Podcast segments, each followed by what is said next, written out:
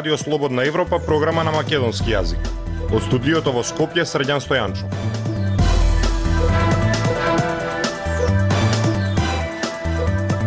Ја слушате емисијата на Радио Слободна Европа, почитувани. Во неа објавуваме Ќе се штеди на облека, на патувања, но и на храна. Инфлацијата ги изеде платите. Пукна тиквата меѓу Скопската градоначалничка Данела Арсовска и ВМРО ДПМН. Шутка заборавена од државата. Слушајте ме.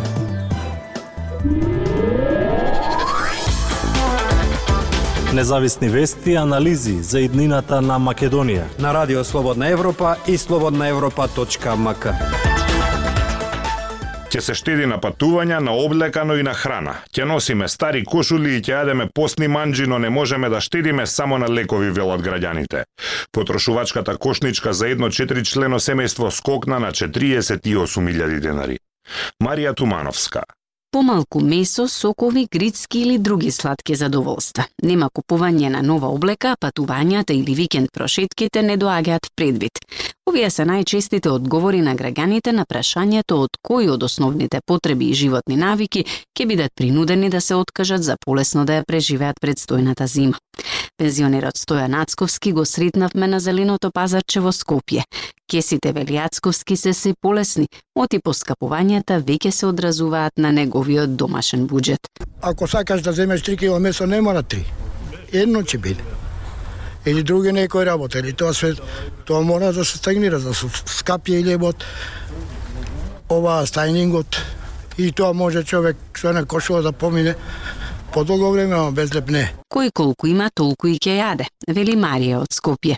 Месо еднаш месечно може да ќе се купува, тоа е. И минимално по едно парче колку да се проба, тоа е највеќе. И све е скапо да ви кажам, млекото е ужасно скапо. Болен човек не може да си купи едно литро млеко да јаде. Јогуртите исто. Ма какво месо? Денеска гравче, утре леќа, утре зелка. Според последните пресметки на Сојузот на синдикати, вредноста на минималната кошничка во август прилагодена на инфлацијата изнесувала 48.234 денари. Според нивната пресметка, Одржувањето и здравјето вклучува основни трошоци за лекарства, без лекарства за хроничните болести и за нив биле потребни 786 денари. Граѓаните велат дека не можат да се откажат од трошоците за редовната медицински терапии, како и од месечните режиски трошоци. Лично јас примам многу лекови и за нив одделувам пари, а за другото ако имам, имам, ако не, не. Лекарства мора да се купат од гардероба, ќе се штеди, па и на храна, на сметките струја помалку. Облеката ми е иста, можам да ја носам уште. Не се подновувам редовно. Колку имам, толку. Велат дел од анкетираните. Активистот за социјална правда Здравко Савески пак вели дека тешката зима полесно може да се помине со промена на животните навики и барање алтернативни начини на однесување. Се знае, ударот во зимата ќе биде пред на храната и на горивата. И тука треба да размислат за алтернативни начини на превоз, како возење велосипед и јавен превоз и да не паѓа така лесно на конформистичкиот притисок дека тоа е нешто што само сиромашните луѓе може да го да си го дозволат, туку да покажат и поголема одговорност кон животната средина. Посочува Савески. Во неколку наврати досега министерот за финансии Фатмир Бесими најавува мерки за полесно надминување на кризата, но тие се уште не се објавени. Слободна Европа. Следете на на Facebook, Twitter и YouTube. Продолжува серијата оставки на функционери од ВМРО ДПМН од директорски позиции во град Скопје. Тие ја обвинуваат градоначалничката Данела Арсовска за лошо раководење со градот, а таа им возвраќа дека отчет треба да ја даваат на нејзе, а не на партискиот лидер. Во меѓувреме Скопјани чекаат на големите проекти кои беа ветувани. Владимир Калински Ескалира конфликтот меѓу градоначалничката на град Скопје Данила Арсовска и градските функционери од редовите на ВМРО да ДПМН. По серијата разрешување од страна на Арсовска, денес оставки даваат други членови на партијата кои се раководители на градски предпријатија. Партијата која застана зад кандидатурата на Арсовска на изборите во 2017 година, сега тактизира околу повлекувањето на поддршката за градоначалничката. Од една страна велат дека не се задоволни од незината работа, а од друга дека нивните советници ќе гласаат за проектите на Арсовска кои се дел од концептот за модерно Скопје. Поддршката која ја дадовме на почетокот кон Арсовска е темелена на принципи и секако ние таа ќе ја повлечеме тогаш кога ќе видиме дека тие принципи не се почитуваат. Соопшти ВМРО ДПМН на пресконференција Функционерите кои последни поднесоа оставки, директорот на градски паркинг Скопје Бојан Христовски и директорот на депонијата Дрисла Јане Мицевски рекоа дека е нарушена тимската работа и координацијата меѓу Арсовски јавните предпријатија на град Скопје. Арсовска пак вели дека директорите добиле понуда да си дадат оставки или да бидат разрешени поради несоодветно работење, но прстот го впирува и во партијата и во лидерот Христијан Мицковски.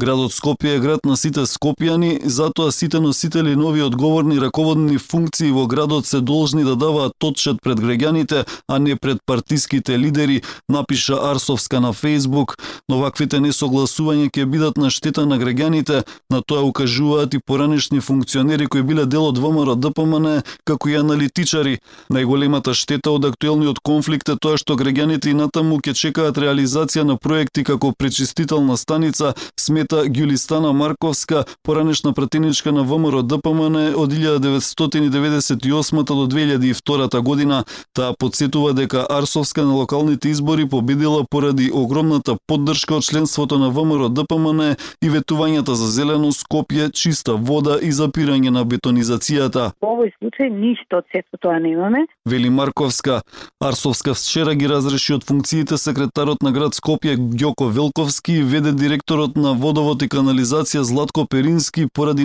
несоодветно постапување во постапката за избор на изведувач во тендерот од 136 милиони евра за изградба на пречистителна станица во Скопје.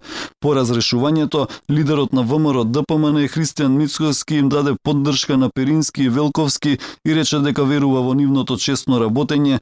Политичкиот аналитичар Сефер Селими на ситуацијата гледа на неуспешен партиски пазар меѓу Арсовска и ВМРО ДПМН. Очигледно дека не функционирало како што било како што биле очекувањата од, и од двете страни. Вели Селими, Даниела Арсовска беше избрана за градоначалничка на град Скопје на локалните избори во 2017 година како независен кандидат поддржан од ВМРО ДПМН.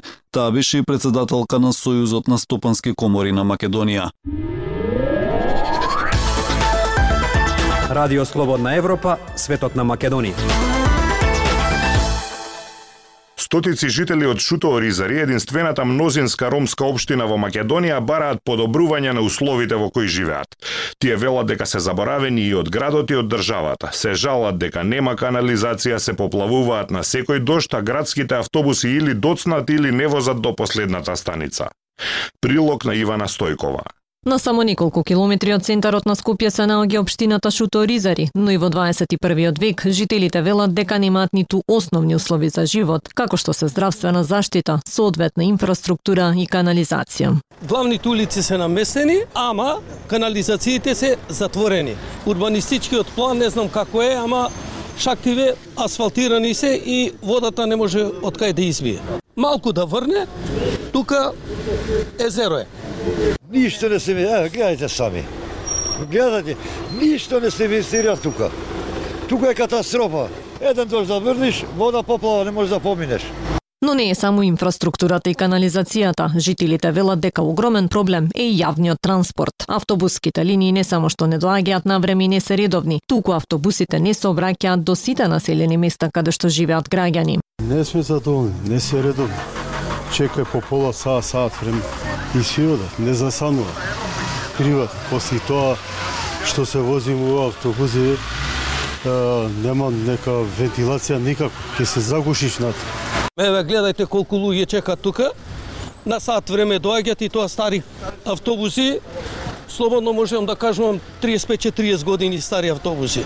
Мено 2-3 години автобусите до затворот ги пуштат луѓево, скроз до горе. Од работа сега ти дојди пешки до горе. Кој е у горница? Е, у таква држава живееме автобусите 19-ка, 20-ка и 87 кои доаѓа поточно до горе што идет, секој застануваат на Жителукс. Значи по брдото горе не се качуваат. Долгогодишен проблем во општината и пристапот до здравствена заштита, особено немањето на гинеколог, поради што многу жени остануваат без гинеколошка здравствена заштита. И покрај тоа што во изминативе години граѓанските здруженија континуирано алармираат за ова, проблемот со жените никако да се реши во целост. Нема, ја не, не се лечам тука. Не се лечам тука затоа што има, нема, има, нема, повеќе нема и тоа е тоа. Под мотото Шуто Ризари заборавена општина, стотици жители вчера тргна од Шуто Ризари преку Топана и дојдоа пред градот Скопје, каде се организираше протест против градските политики. Присутните испорачаа неколку барања до градските власти, ниту пак на барањата кои беа испорачани. И додека градската власт молчи, жителите на Шуто Ризари се се погласни во барањата за поголеми права и подобрување на условите во кои живеат.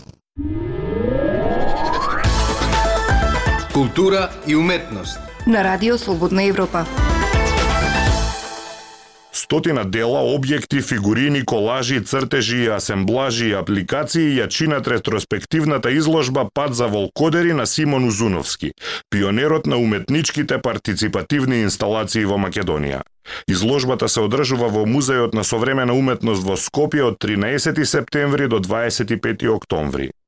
Лјупчо Јолевски Симе беше еден од моите најдобри другари. Пријателувавме уште од крајот на 1970-тите, од кога и датираат овие негови дела кои за прв пат беа изложени во галеријата Кора. Тој постојано се селеше и поради тие селитби ги остави кај мене со цел да ги заштитам, за да не ги оштети при транспорт. Не можам да кажам дека се во моја приватна собственост, туку беа на долгогодишен приверен престој кај мене. Ова ќе го напише во својата изјава од март 2020 година архитектот и сценограф Крсте Джидров Джиби, кој тогаш на Музеот на современа уметност Скопје му ги подари тркалајката, човек и птица, осум колажи од циклусот со леплива лента Ливада и објектот Преспа, некои од најзначајните дела на македонскиот уметник Симон Узуновски. А по нецели две години, од 13 септември до 25 октомври, во Храмот на уметноста на Скопско кале се одржува изложбата Патот за волкодери ретроспектива со дела од авторот кој во текот на својата богата кариера заразно ја ширеше идејата за демократизација на уметноста. Ово подразбира дека во изминатиот период тимот петмина историчари на уметност Марика Бочварова Плавевска, Зоран Петровски, Лилјана Делковска, Валентино Димитровски, Лазо Плавевски и на блиски пријатели на Узуновски и директни сведоци на неговото делување уште од 1970-тите години, го работеа проектот чија цел беше доследно да го представат творештвото на еден од пионерите на, умет, на уметничките партиципативни инсталации во Македонија. Ретроспективната изложба на Узуновски има за цел не само историографски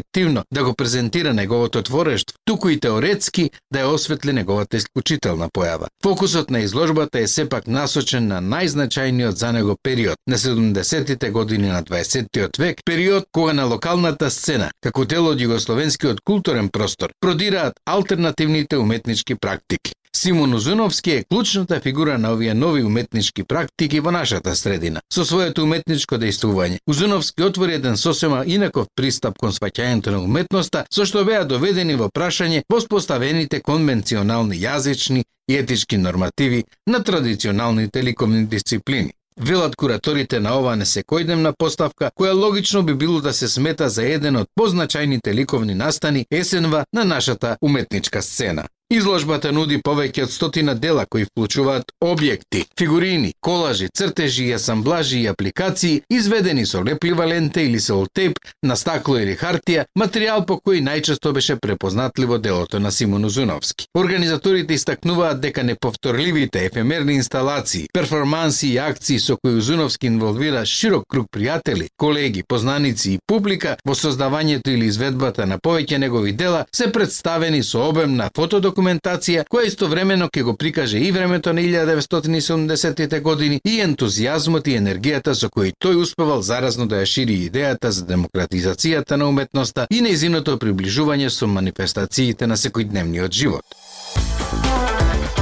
Ја слушавте емисијата на Радио Слободна Европа на македонски јазик. Со вас беа продуцентот Дејан Балаловски и Средјан Стојанчо. До слушање.